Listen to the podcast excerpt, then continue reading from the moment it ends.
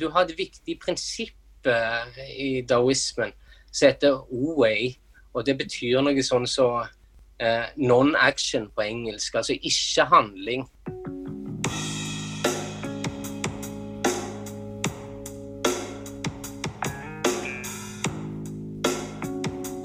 Velkommen til Nysgjerrig på Kina, episode 7. Jeg heter fortsatt Petra, og jeg er fortsatt nysgjerrig. Intromusikken er igjen Shu Wei, som jeg fikk anbefalt av Sveinung i sommer, og som jeg har hørt mye på og blitt begeistra for. Dette er fra albumet som heter noe sånt som Chi Chi Chi Ke, eller noe sånt, og det betyr akkurat nå. Og den tittelen føler jeg passer siden jeg har valgt å vente med denne podkasten en stund og ikke stresse med å gjennomføre. Jeg har gjort det øyeblikket har krevd av meg, kan du si. Jeg har gitt ut eh, bok siden sist, og jeg har fått fast jobb i høst. Så jeg føler at jeg på alle måter er unnskyldt. Men jeg har hele veien tenkt at jeg i alle fall måtte legge ut to podkaster til, som en slags avslutning. For det siste jeg gjorde i august, var nemlig å snakke med Sveinung om kinesisk filosofi. Og så har jeg ikke prioritert å sette meg ned og redigere denne samtalen før nå. Vi snakka sammen i to timer, eh, og dermed så har jeg tenkt og valgt å dele samtalen i to. Du kan med andre ord velge om du vil høre hele, eller bare en del. Utgangspunktet var at Sveinung er begeistra for taoismen, og derfor så leste jeg en av grunntekstene i denne filosofien. Ta Che Ching, eh, skrevet av Tse, før vi snakka sammen, sånn at jeg kunne ha noen fornuftige spørsmål. Jeg lenker til teksten i episodebeskrivelsen om de blir nysgjerrig, du også. Eh, her lenker jeg også til den andre viktige taoistiske teksten, Chang Chu. Eh, mens Ta Che Ching er mystisk og filosofisk, er Chang Su en tekst full av små visdomshistorier. Sveinung gjenforteller noen av de her i samtalen vår. I den første timen av samtalen så gir Sveinung oss et ganske godt overblikk. Og i den andre delen av samtalen, som du får i episode åtte, så diskuterer vi litt mer. Jeg tror det er gøy å høre på begge deler. For Sveinung er både god til å fortelle historier og god til å tenke høyt. Og det gjør at han er spennende å høre på. Særlig når han snakker om et emne som han kan mye om, og har reflektert mye rundt. Så vær så god. Ja, så det er bare å kjøre på? Ja, vi, vi gjør jo det. Ja, da, da, gjør vi, det. Nei, for det er jo det, det Jeg syns jo det er ganske fascinerende med den kinesiske filosofien, som jeg visste veldig lite om før jeg kom til Kina. Begynte å lese både kinesisk litteratur og etter hvert filosofi. Det var jo det at de store kinesiske filosofene de vokser jo fram i en tidsperiode som er omtrent eh, ja, det er de samme århundrene, århundrene så, de store i, i Vesten eh, levde. Altså Det er parallelt med Platon og Aristoteles og de store greske. Så vet du om det har vært noe utveksling mellom Kina og Hellas på det tidspunktet? Det vet jeg faktisk ikke noe om, men det er jo ikke, altså det er ikke utenkelig at Eh, det er ikke utenkelig at det har vært eh, kontakt mellom eh, sivilisasjonene på det tidspunktet òg. Jeg vil ikke bli overraska over det. Men det jeg syns er fascinerende, det er kanskje en grunn til at det er såpass mange paralleller. Det er at det er mange paralleller i samfunnet på det tidspunktet.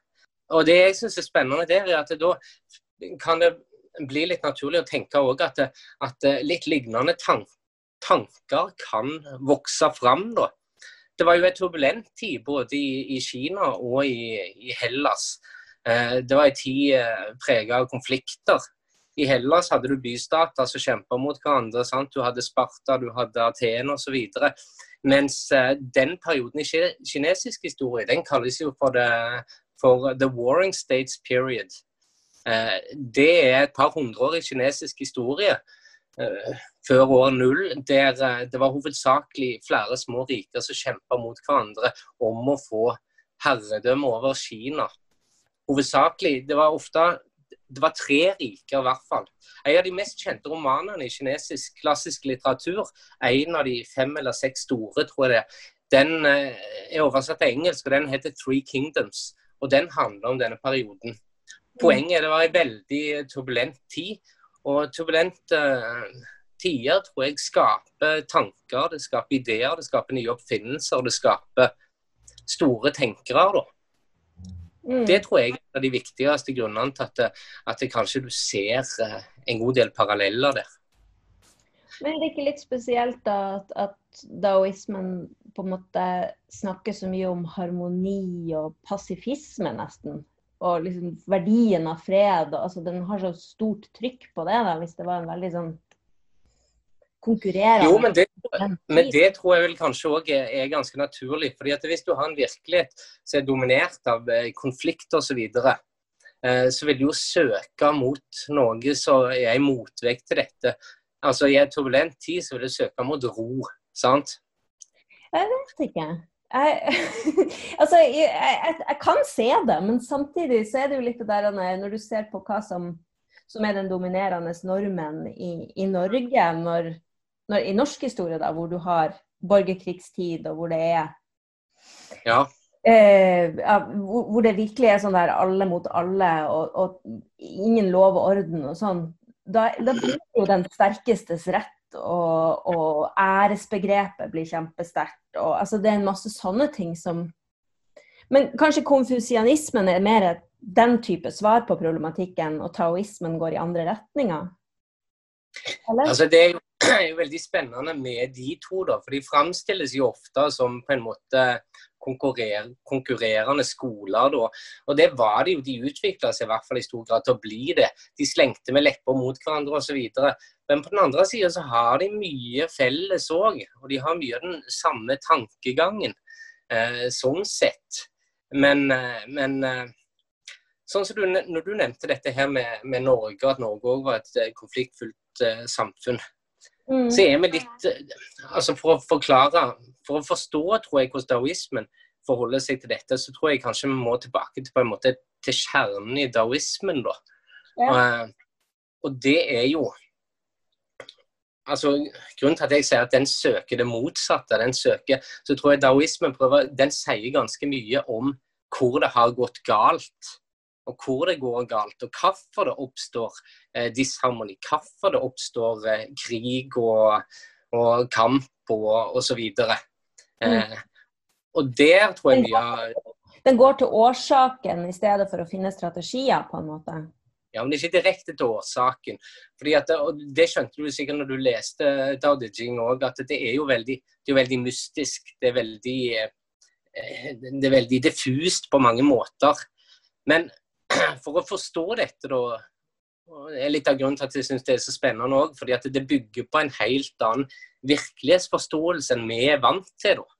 Og det må en liksom forstå litt om for å skjønne hva det egentlig betyr. Hvis du tenker den vestlige kulturen, så hadde du jo Du har jo på en måte et verdensbilde her gjennom hele historien i Vesten som er dominert av kanskje Ja, dominert av altså på den filosofiske sida er det først og fremst dominert av kristendommen og av, de, av den filosofiske tradisjonen som stammer fra den greske antikken og opp igjennom. Sant? Mm. Eh, på den andre sida så har du et verdensbilde som blir på en måte motsatsen til den der kristnedominerte verdensbildet. Eh, det, det verdensbildet som er dominert av kristendommen, er jo det at du har et univers, en verden som har en arkitekt. Det har en mening, det har en retning. Du har eh, en autoritær makt som har på en måte forma og som har kontroll på, på verden, da. Mm. Har skapt verden og, eh, og lager spillereglene osv. Så, videre. så kommer jo eh, opplysningstid osv., og, så videre, og så får du en sterk motsats til dette. Sant? Da vokser den, det mekaniske verdensbildet fram. Sant? At det er tilfeldig at naturen er som en maskin. Sant? Da har du ateismen som er veldig som motsats til dette. Du har ingen autoritær makt osv. Det er bare tilfeldig. Og da, Det verdensbildet det blir litt sånn at naturen det er en motsats til kulturen. sant? Det er noe fremmed, det er noe skummelt osv. Det er noe vi må fjerne oss fra, for vi er bedre enn det, på en måte. Mens det som er spennende med, med Østen da, og Kina, og der har vel i og for seg både konfusianismen og daoismen det samme utgangspunktet. Det kinesiske ordet for naturlig, eller natur, er ziren. og det betyr av seg sjøl. Noe som er av seg sjøl. Det si, det er ikke noe sånn begrep det er ikke noe begrep for noe allmektig Gud, f.eks. Det er ikke noe arkitekt bak verden. Den er der, den har alltid vært der. Den uh, er mangfoldig, den forandres forandrer seg hele veien. Men det er ingen som styrer dette her. De snakker jo om Dao, og første vers i Dao De Jing det sier jo litt om hva Dao er. Det ble jo ofte oversatt med 'veien'. Og det har uh, gitt grobunn for egentlig ganske mange en del hårreisende oversettelser til engelsk. For noen av de første som begynte å oversette disse skriftene i Vesten, eh, mm. og så oversatte det kinesiske språk til engelsk, det var jo misjonærer. Ja. Og, og, de fant jo på f.eks. Å, å putte vår gudsforståelse mange plasser inn i disse tekstene. For så kan de oversette Dao mange plasser med Gud. Men hvis du, hvis du kjenner til det kinesiske språket og den kinesiske forståelsen, så vet du det at det, det blir helt feil det er ikke et begrep som harmonerer, altså som passer til det i det hele tatt. Eh, så, ja. Jeg leste to forskjellige oversettelser. Og det, var, det, som slo meg, var hvor forskjellig det var. At jeg måtte liksom virkelig anstrenge meg for å se at begge oversettelsene hadde liksom rot i samme teksten. Altså jeg så ja, at det, det, du kunne tolke den samme meninga ut av de ordene som var valgt, for så vidt, men, men det bare var sånn det var, det var, veldig stor forskjell i ordvalg, da. Det er jo faktisk stor forskjell òg innenfor kinesiske tekster. Der, så det er jo en tekst som regnes som veldig vanskelig å få mm. grep på òg i, i Kina.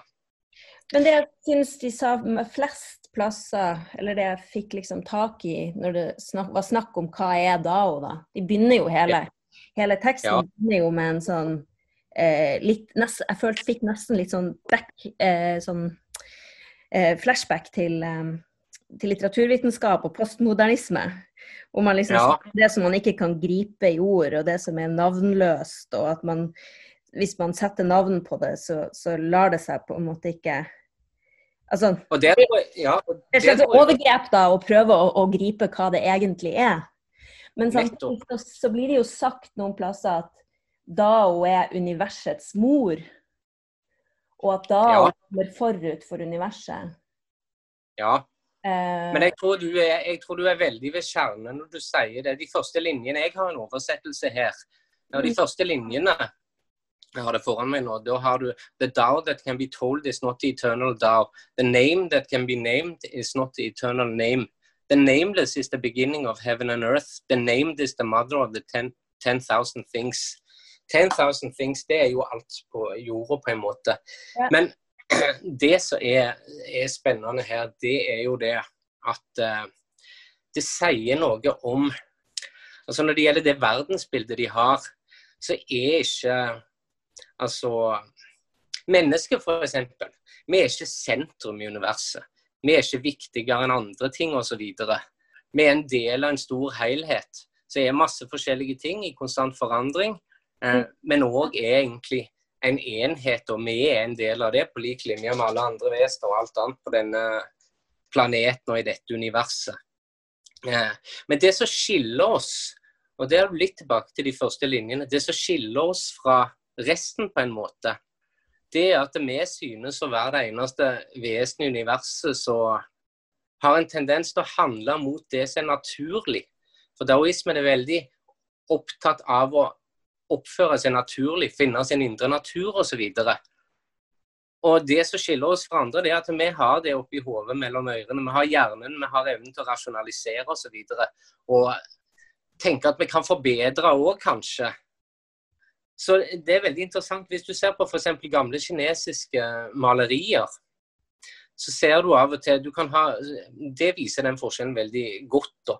Du kan f.eks. ha et maleri som heter uh, og drikker vin i måneskinn'. Og Når du ser maleriet, så tenker du først at du tenker deg hvor i all verden er dikteren? Du ser fjell, du ser tre, du ser månen. Så må du liksom fram med forstørrelsesglass, og der ser du plutselig en dikter nede i hjørnet med et bord som drikker vin. Men så hadde dette vært et klassisk eh, vestlig maleri. Da hadde mennesket vært eh, plassert i midten. Dikteren hadde vært stor, sant. Tittelen etter maleriet er etter han. Og så hadde naturen vært i bakgrunnen, da. Mm. Det kommer jo an på hvilken periode du er i òg, da. For, for Ja, det gjør det nå. til, til romantikken så var det jo ofte nettopp den der bitte små mennesker i en stor natur. Ja. Ja, sånn sett. Men det er i hvert fall den der eh, Men jeg ser poenget ditt, altså. Jeg gjør det. Ja. Altså det er Det, det er liksom den der helhetstankegangen, og den at alt er et uh, samspill. Og der har du jo dette her med yin og yang òg som kom inn. Og det er òg noe som på en måte jeg føler ofte har blitt misforstått. For vi har veldig lett for å tenke i motsetninger. Sant? Du tenker svart er motsatt av hvitt og hardt og mjukt osv. Men det som er med, med yin og yang f.eks., det er jo ikke det at det er kjempende krefter, det er ikke motstridende krefter eh, på en måte. De er helt avhengige av hverandre. Det ene vil ikke eksistere uten det andre. Det er en naturlig bevegelse, det er ikke en kamp. Og Hvis du ser på tegnet for yin-yang f.eks., så har du disse to dråpene med et lite Det svarte har litt hvitt i seg, som øynene på en fisk, og det hvite har litt svart i, i seg. sant? Hvis du, hvis du, tenker at det hadde vært en slags kamp i naturen, en slags motsetninger, så ville du sett for deg at den ene fisken eh, prøver å sluke den andre, og idet han klarer å sluke den andre, da er hele konseptet vekke. sant? Da utsletter du deg sjøl òg. Så dette er en harmoni, det er en lek, det er et spill. Det er ikke noe, det er ikke noe kamp. Mm. Og det er en sånn gjensidig avhengighet, på en måte? Ja. At, det ene kan det, står, det sto vel et eller annet sted at du kan ikke ha det harde uten å ha det myke, du kan ikke ha det mørke uten å ha det lyse. Altså, at, at du kan ikke se det ene uten at det andre er der, da.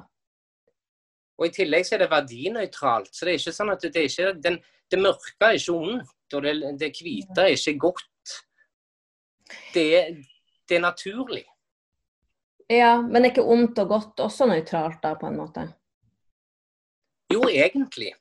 Altså, det, det, er jo mange Du har jo den andre boka i taoismen som er på en måte hovedverket. da, Den er skrevet på en helt annen måte. Det er en masse små historier, egentlig, og all slags sjangre osv. som heter Drunks. Eh, og der, der, er det en del historier eh, som går på dette med òg moral osv. Og, og da den strekker seg langt mot f.eks. å signalisere at når begrep og rettskaffenhet og humanisme og god moral osv. kom inn i verden, da ble Dao skada. Da hadde det allerede begynt å gå nedover. Fordi at før det altså Hvis, hvis en bare hadde, hadde fulgt det som var naturlig, så hadde en vært naturlig, harmonisk. En hadde gjort det en skulle gjøre, osv. Så, så dette her at en fant opp begreper for dette, det gjorde på en måte at, at ting allerede hadde begynt å, å gå nedover. Og vi hadde allerede begynt å rote ting til, på en måte. Og det er jo ganske interessant. Det, det, tenkte jeg, det var vel mot slutten eller noe sånt, hvor, den, hvor det, det er snakk om at, at, kunnskapen på en måte er Jeg husker ikke hva, hva ordet det ble brukt, men, men, det var et eller annet med at, at, jo mindre du visste, jo bedre var det, på en måte. Og at, at du ikke Altså, det var ikke mulig å forstå Dao du skulle bare være Dao. Eh, ja, og det... Prøve å forstå og begrepsliggjøre og liksom sette navn på og sånn, så forstår du egentlig mindre. Ja, og der har du igjen til, tilbake til dette her at, at uh, de mener vel det at vi har en tendens til å, tendens til å Altså, det trekker oss vekk fra det som egentlig er viktig. Sant? Et, et dyr, f.eks. Nå vet jo ikke vi hvorvidt og hvor mye dyr tenker oss og osv. Men uh, i den verden vi lever i i dag, i hvert fall, så har jeg ennå til gode å se på en måte dyr eh, rota til den naturlige orden, f.eks. Eh, mm. Rota til økosystemer osv. Det gjør de vel først og fremst eh, kun i kraft av at de blir pressa ut av sine habitater av oss, da, kanskje. Eller at vi flytter på arter. Altså brunsten. Eller vi flytter på arter, f.eks. Og der har du det igjen, kanskje, at vi har kanskje en tendens Vi setter oss jo øverst på rangstigen. Vi setter oss i en særstilling i forhold til resten av naturen. Vi tenker kanskje at vi kan gjøre det bedre. Eh, og det gjelder vel kanskje òg i forhold til, til, til moral og, og, og handlinger osv. At vi leter så hardt etter måter å gjøre ting rett på at det, det egentlig da blir sånn som de vil se det, det blir å gå i motsatt retning. At du mister den der eh, naturlige forståelsen av hva som er rett og galt. Du trenger ikke å, trenger ikke å definere begrepene rett og galt for å vite hvordan du skal oppføre deg. Det, det er vel litt der det ligger, tror jeg. Mm. Ja, altså det, hvis du lar ting være, hvis du bare aksepterer ja. og lar det eh... du, har jo et, du har et viktig prinsipp eh, i daoismen som heter O-way, og det betyr noe sånn som så, eh, non-action på engelsk, altså ikke handling.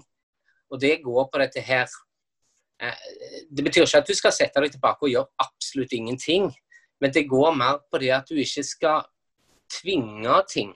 Altså Når det gjelder hvordan en skal leve, hvordan en skal oppføre seg og hvordan en skal forholde seg til ting, ja, daoismen så ser en jo eh, gjerne til naturen. Det er en hel masse fabler og sånn Eh, og historier fra naturen som skal eksemplifisere dette. Da. Og da har du for eksempel, ser du f.eks. Til, til vannet. sant?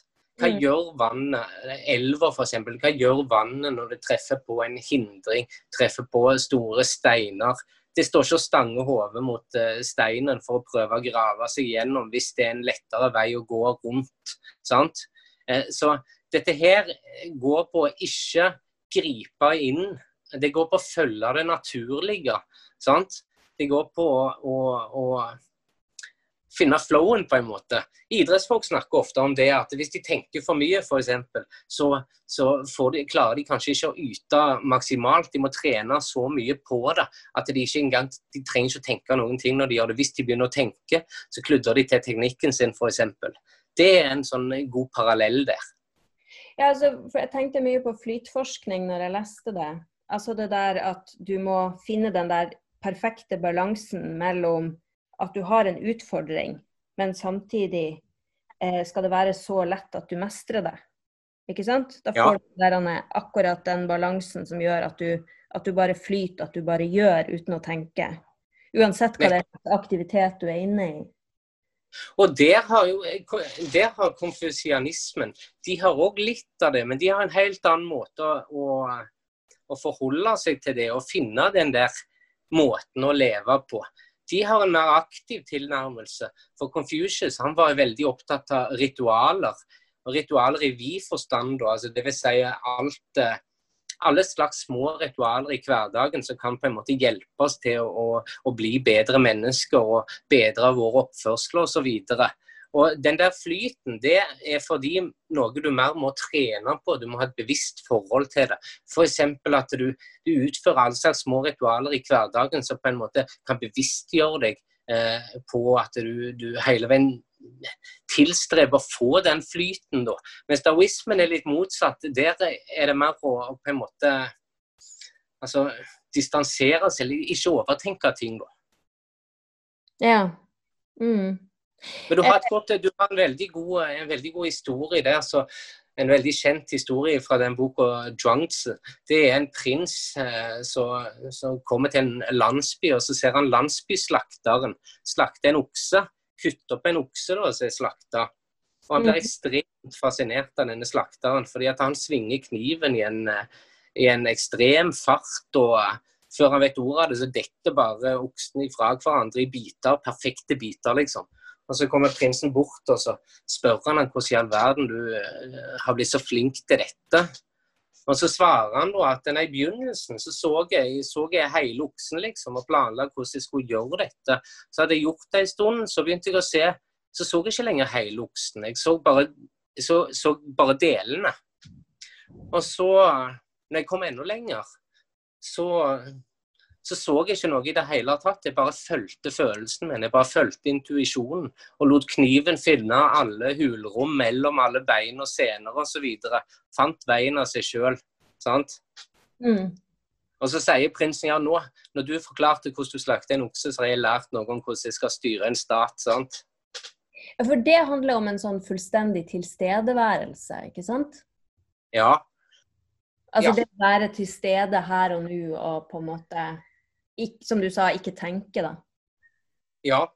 Og det, det er klart det at det kommer ikke på intuisjon. Han han hadde jo på en måte perfeksjonert dette, da. Men det var på en måte målet, da.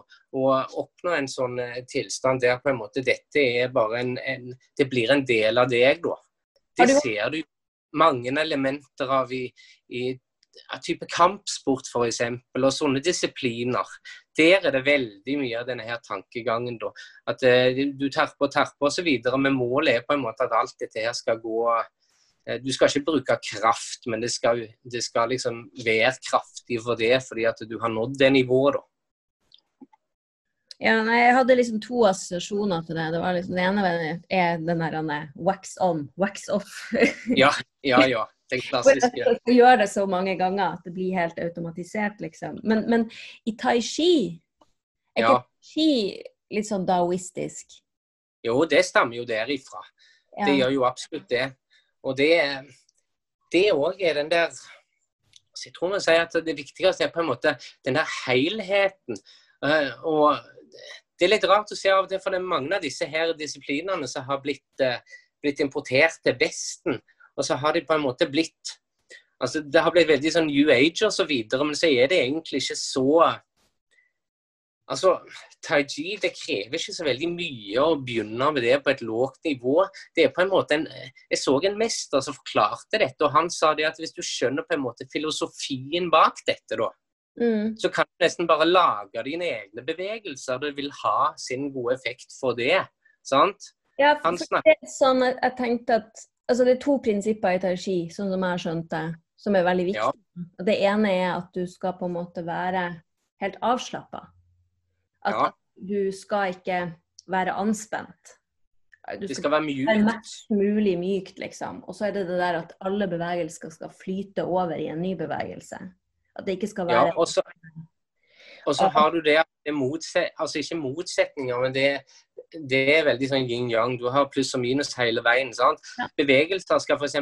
Du, skal- du skal ha ting som går mot himmelen. Du skal ha noe som som røtter til jorda. Du skal ha Mm. bevegelser utover til alt rundt deg, alle andre mennesker osv. Og så inn igjen til senteret av deg sjøl. Så da har du opp himmelen, universet, ned jorda.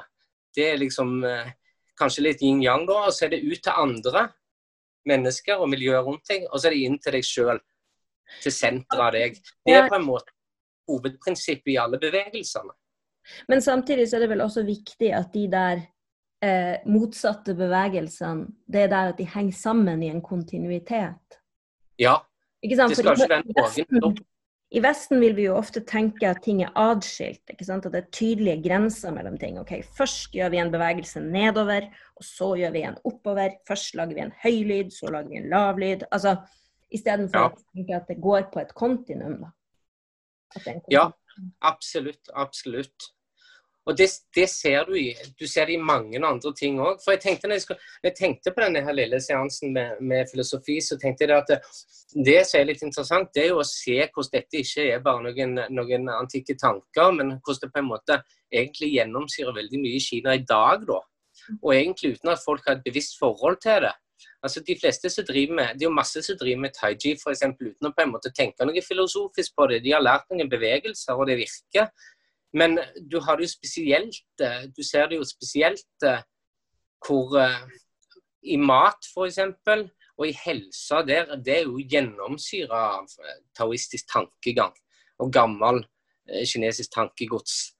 Der ser du f.eks. Jeg hørte en interessant historie. Det var ei som var ei som er kinesisk lege da, i kinesisk medisin. Hun hadde bodd, har bodd i Skottland ganske lenge og underviser bl.a. på et universitet i Skottland. Og fortalte Hun hadde jo fått mange venner og gode kollegaer der, så av og til samles de for å lage mat. da. Og så var det en gang hun inviterte en kollega som var professor i kjemi hjem til seg, og de skulle lage mat sammen. For hun ville gjerne lære noe kinesisk matlaging. da. Og hun stilte opp med skriveblokka si, penn og papir, og var klar til å skrive ned oppskrifter. Og så sier hun men jeg har ikke noen oppskrifter. Jeg får bare begynne å lage mat. Og så tok hun litt salt og slapp litt salt i maten. Og, ja, hvor mye salt tok du oppi nå, sier hun. Nei, men det er ikke noe Du kan ikke sette et tall på det. Det er liksom Det smaker du til, sant? Mm. Og hun var ganske oppgitt. Hun sa de viste, illustrerte veldig godt forskjellen i måten å tenke på. Da. Du har visse prin prinsipper for matlaging, f.eks. Du vet eh, du vet hva som utgjør det, det sure, eddiken. Sant? Du vet hva som utgjør det salte, enten det er salt eller soyasaus. Du vet hva som utgjør det søte. Eh, og så vet du på en måte litt om hovedstrategiene, hva som går sammen. Sant? Og utover det så bruker de jo aldri eh, oppskrifter. Og de lærer aldri, stort sett aldri oppskrifter. De lærer stort sett alltid av, av eh, foreldre, eller som har lært av besteforeldre osv. Og så lærer de vel å gjøre feil, da? Ja, ja, det gjør de vel kanskje òg. Men det som er interessant, er å se at hvordan noen sånne smaker går igjen. og Jeg forhørte meg f.eks. at det, at det er grunner for det. Så går liksom tusen år tilbake i visse tilfeller. F.eks. at det fisk stort sett når fisk steikes, så steikes det aldri uten ingefær og hvitløk osv. I, I Kina så har du noe som heter medisinsk mat, eller medisinsk kosthold. Og det utvikla seg til Altså, det starta som en slags det skulle ha positive virkninger på kroppen og på helsa. da. Og så har det blitt matretter som har på en måte blitt sånn klassiske matretter. Og så hadde du òg noen sånne retter som bare skulle spises på vinteren, f.eks. Skulle du spise sauekjøtt, f.eks. Fårekjøtt. Det spiste vi av og til i Kina, men det spiser du bare på vinteren. Fordi det gjorde kroppen varm det skulle du bare spise eh, på vinteren. Hvis du spiste det på, på sommeren, så kunne du liksom bli Da var tanken at du kunne bli sånn uvel og eh, Når kroppen er varm, så er det ikke fysisk varme, men du ser det f.eks. Hvis, hvis du får utslett, eh, hvis en får kviser, den typen ting, eh, da er det et tegn på at kroppen er for varm. er liksom den tradisjonelle tanken innenfor kinesisk medisin og sånn. da. Så derfor, til og med der jeg jobba i barnehagen der, og var engelsklærer, så hadde du en kokk og, de, og en lege, og de satte opp menyene for fire sesonger av gangen. Og det var liksom utenkelig å servere noen retter du serverte på vinteren, og servere de på sommeren. Mm. Ja, vi snakka jo litt om det sist. Det er jo den der tanke, det er jo den der veldig daoistiske tankegangen om at eh, følg det som er naturlig. Sant? Du oppfører deg ikke på samme måten på sommeren som på vinteren, f.eks. Ja, det er vel ikke bare at det er naturlig, men det er vel litt det du har snakka om, liksom å opprettholde balanse. Altså hvis det er mye av Altså hvis miljøet er kaldt, så må maten på en måte komme med varmen, og omvendt. Og hvis, ja, nettopp. Ja. Altså at, at, du hele veien må på en måte forholde deg til situasjonen, da. Ja, men så er det vel kanskje òg noe med det at det igjen bygger på det som var tilgjengelig i den sesongen, liksom. Eller det du Sant? Du høsta på høsten, og så spiste du det på vinteren osv. Men um, la oss gå tilbake igjen til det vi skulle altså, Jeg ser at, at, det er en sammenheng der, men jeg bare hadde lyst til å liksom um, uh, få litt mer tak i hva er det som er spesifikt for daoismen. Uh, sånn at ikke fordi For meg så blir det så lett sånn OK, det er østlig tankegang, liksom. Men er det er, Du sa at det var noen likhetstrekk mellom konfusianisme og daoisme, og så var det noen ting hvor de skilte lag. Så kunne du ha sagt noen ting om hva som er liksom hovedforskjellen mellom de to? Ja, jeg tror hovedforskjellen er at uh, Confucius i hans, uh, i hans filosofi, så han er opptatt av mennesker. Han er opptatt av menneskene. Eh, han har jo masse ritualer osv. Så, videre, så du har jo egne for eksempel, har du ritualer for begravelser osv. Og, uh, og så var det noen av uh, studentene hans som spurte han, du Confucius, hva skjer etter vi dør? Så sa han det vet vel ikke jeg, det er ikke vesentlig i det hele tatt. Vi gjør ritualene. Men uh, det er ingen som har dødd og kunne beskrive det etterpå. Konsentrer deg om livet her og nå. det er hans filosofi går på å organisere samfunnet på en måte hvordan best mulig og på en mest mulig harmonisk måte leve sammen. Da. Det er sånn jeg ser det. Mens eh, daoismen den trekker jo dette ut og, og, sier på en måte at ja, men mennesket er bare en liten del av universet. Eh, vi, er, vi, vi, er, bare en, en, liten del, så det at du kan ikke bare konsentrere deg om, om menneskene. Du må, du må, konsentrere deg om ikke bare forhold mellom mennesker, men òg mennesker, natur, mennesker, alle andre vesener osv.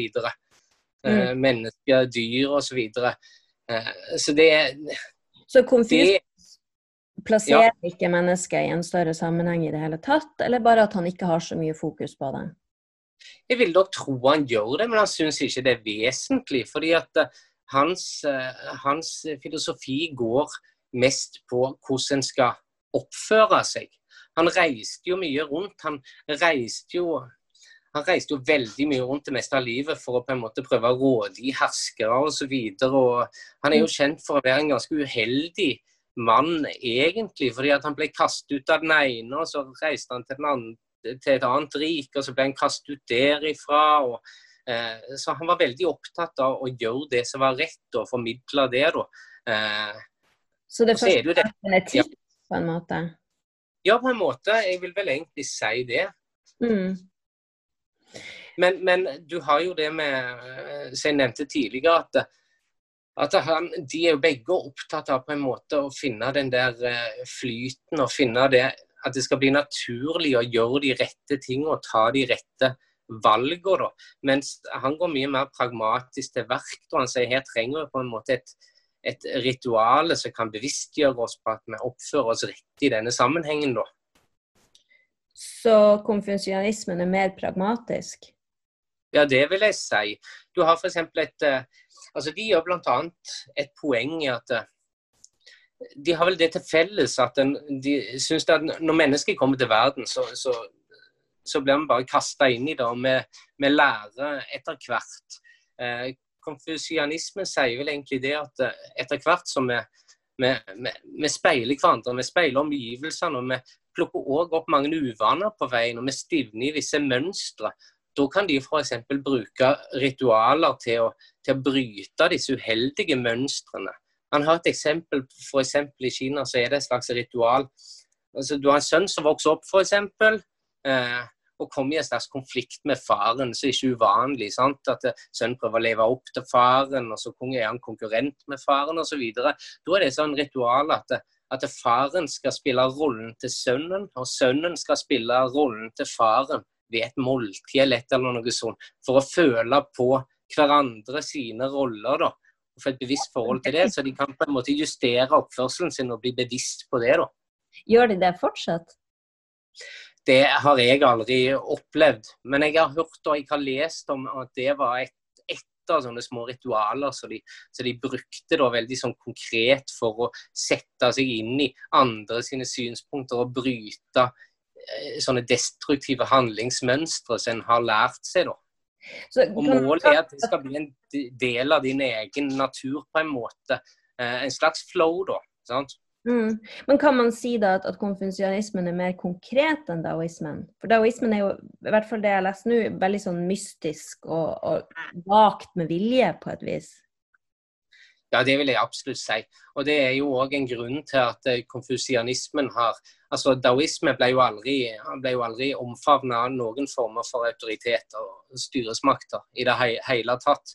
Fordi at det er veldig mye altså Han er jo egentlig ganske anti-autoritær i formen. Det er jo en masse fabler der, eh, spesielt i, i Zhuangzi, der eh, en eller annen hersker, en eller annen prins, en eller annen konge har hørt om en vismann som bor som en eremitt ute i skogen, eller en eller annen fisker eller noe, og har hørt at han er så smart og drar ut for å på en måte prøve å få han til å komme og ta over styringen av landet. Der det alltid ender opp med at, eh, at keiseren eller kongen eller prinsen må gå slukøyre hjem fordi at denne her vismannen har ingen interesse av jordlig makt. Mm. Men, men, men, eh, mens eh, konfusianismen, de, det, det, har jeg jo mer inntrykk av at de ønsker å framstå som rådgivere for Altså, Hvis du tar Lao Tse, så skrev uh, Dao De Jing om det mm. var en ekte person eller ikke, det er jo, det vet en ikke. Men der gikk jo historien på at han var en eller annen funksjonær i en by, hadde ansvar for et bibliotek eller noe.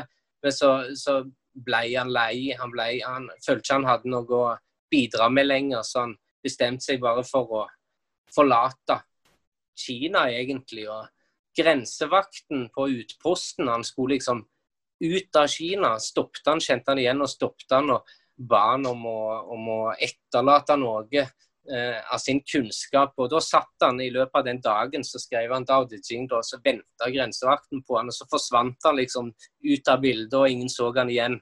Sant? Så det er jo veldig Det er litt sånn hippieaktig på en måte òg over det. Det er ikke så, det er ikke så Kanskje det er ikke akkurat designa til å bruke som en, som en, en, en, strategi for å styre en stat, eller politiske strategier osv. Den er jo veldig sånn individuell på mange måter. Altså, du har dette her med at det, det er ikke noe det er ikke noen klare regler for hva som er rett og galt osv. Bare sånne ting er jo meget problematisk. Mm. Men det er jo en del sånne råd til hvordan styre Altså Det var et, et sitat jeg syns var veldig morsomt. som var sånn eh, Å styre et stort land er som å steike en liten fisk. Ja. ja. og, så, og så handla det liksom om å, å la den altså ikke for mye olje, ikke for lite, ikke dytte så mye, være forsiktig. altså Ikke på en måte prøve å manipulere så mye, eh, men, men, la den liksom finne, eh, finne Nesten finne ut av det sjøl der i panna. Um, ja. at, at, at den, hele veien så er det den der minst mulig kontroll, da. La skje det som skjer, på en måte. Minst mulig innblanding. Så der, der har du òg en, en, ting som gjør det litt pragmatisk, da. Fordi at den, den beste herskeren gjør ingenting, og er ikke synlig. Uh, poenget er at du skal ikke fortelle folk hva, de, hva du skal gjøre, men, men du skal på en måte lære uten ord du skal, du skal lære gjennom eksempel, da, på en måte. Men idet du må begynne å fortelle folk hva de skal gjøre, da har du på en måte allerede ikke, ikke skjønt det, da. Ja, for det var et eller annet sånn der med, med Jeg syns det var et ganske sånn fint bilde om hvordan eh, Altså hvis du skal være som vannet, da, som jo var en ja. sånn omgangsmetafor, at vannet ligger lavere altså det, den store innsjøen eller liksom ligger lavere enn en elvene som renner inn i det. Sånn at, at, som leder så skal man på en måte legge seg lavere, sånn at man kan ta opp i seg hva hele folket mener, på en måte. At man er I hvert fall var det ja. sånn opplevd, eller forsto det, da, at, at, at, en leder skal, skal være en, eh, en tjener. Eh, litt sånn ganske demokratisk, egentlig, tenkte jeg litt sånn moderne, nesten. Ja, på en måte. Altså, hvis du tenker sånn flat struktur, holdt jeg på å si. Men, men der òg er det jo litt motstridende. Altså, det er mange motsetninger innenfor tekstene der òg. Men spesielt dette her med, med, med, minst mulig innblanding. Hvis du har, hvis du ikke trenger å blande, inn, eh, blande deg inn, eh, og hvis ting går bra, og så la folk finne ut av det sjøl. Det er jo på en måte der det ligger. Og I tillegg så er det veldig sånn antiautoritært på, på, på, i forhold til det der med hva du skal mene og hva du skal tenke. Fordi at Daoisme sier jo altså de, de, sier jo egentlig det at du skal Det er en fordel å skifte meninger. Eh, ikke være sta, vær så åpen som mulig. Ikke vær redd for å skifte meninger snu 180 grader rundt. Eh, omfavne alt og sjekk det ut på en måte. Ikke være eh, ikke begrens deg til én ting. Prøv alt, på en måte. Hmm. Og det er jo det er jo òg en Altså, det, det vil aldri eh, Confucius gått eh, god for, tipper jeg. Ja, um, men det var jo noen Altså på, Du sier at, at, at, det på en måte ikke er noe som er bedre enn noe annet. Uh, men samtidig, når jeg leste det, så fikk jeg jo følelsen av at det å være myk på et vis var bedre enn å være hard. Og som du sier, åpenhet er bedre enn å være eh, sta på at én måte er riktig. Um, og at hvis man var rigid og hard og, og, stiv i sin måte å være på, så tjente man på en måte døden. Og hvis man var åpen og fleksibel og myk, så, så tjente man livet. Ligger det ikke ja, investering i det? Ja, jeg tror nok. Men der har òg konseptet, altså selve det, det yin-yang-konseptet og dao-begrepet, det har òg endra seg litt. Det endrer seg litt f.eks. fra Lao Tzu til Zhuangzi. Eh, Lao Tzu han er veldig altså det går jo Han har en bevegelse Der er på en måte det, det, det mjuke yin. Det er på en måte Det skal dyrkes fordi at det er på en måte det svake, på en måte.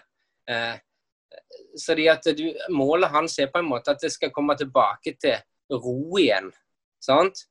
det oppvurdere, oppvurdere ja. det svake for å få en balanse. Så det er egentlig ja. ikke fordi at det er viktigere, men det er fordi det, må, det er det som mangler akkurat nå. Ja, nettopp. Men mm. da er jo òg på en måte For det Drunkse, det, det, han sa, det er jo det at eh, De sier jo òg at alt skjer naturlig. Altså du vil jo ha en hele konseptet yin-yang vil jo si at det ene vokser til det blir på topp, og da er det helt nødt til å gå ned igjen, overtas av det andre. sant? Mens Drunk han legger mye mer vekt på at det, det, er konstante forandringer hele veien. Så det er ikke det, det, det, Du kommer aldri tilbake til den der helt roen og harmonien.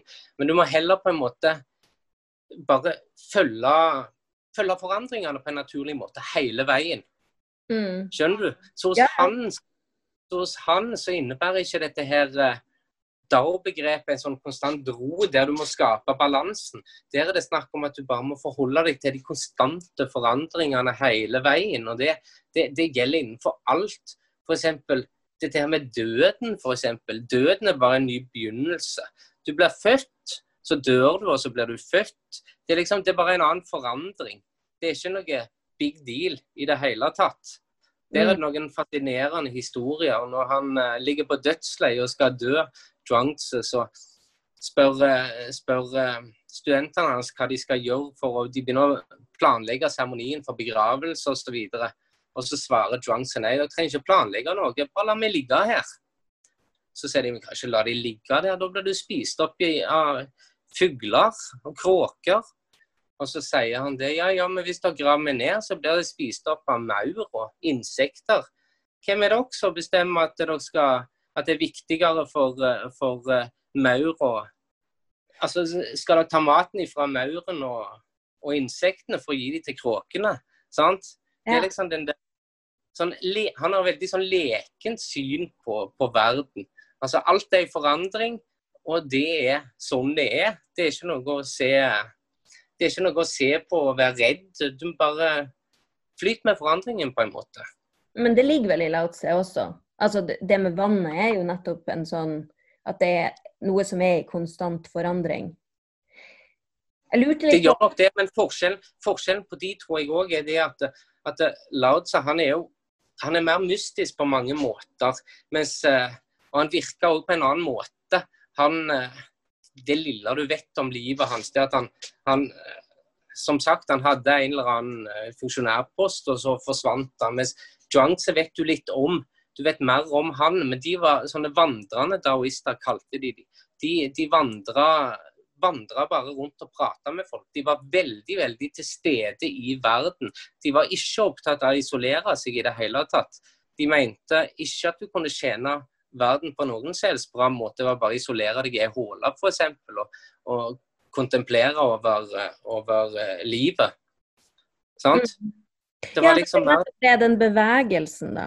At verden ja. er konstant bevegelse, og at derfor så kan du ikke på en måte, som du sier, sitte og meditere. For da går du jo for en Altså roen, da, er jo en motsetning. så du må ha både ro og bevegelse. ja, men jeg tror det og når det gjelder den roen de For de snakker jo om ro på en måte òg, men det går mer på den der eh, Mer på nøytralitet, tror jeg. Ro i tankene, kanskje. Altså det der å, å på en måte eh, bare Snakke om mjukhet og hardhet osv. Ikke være så hard. Sant? Fortell, forholde deg nøytral til alt, eh, på en måte. Godta forandringen som en del av eh, Altså ikke kjempe mot forandringen. sant? Mm. Da er du igjen tilbake til det der at dess mer vi tenker over ting, dess, dess uh, mer komplisert blir det av og til. Sant? Så når de snakker om, om, om uh, type tomhet, snakker de opp, opp, ofte om som et ideal. da. Uh, Framstår som tom. sant? Uh, det betyr ikke nødvendigvis å, å sitte helt stille og, og meditere og, og, på en måte være helt men, men, jeg tror det heller går litt på det å ikke, ikke ha den der forklaringstrangen til alt og rasjonalisere alt osv.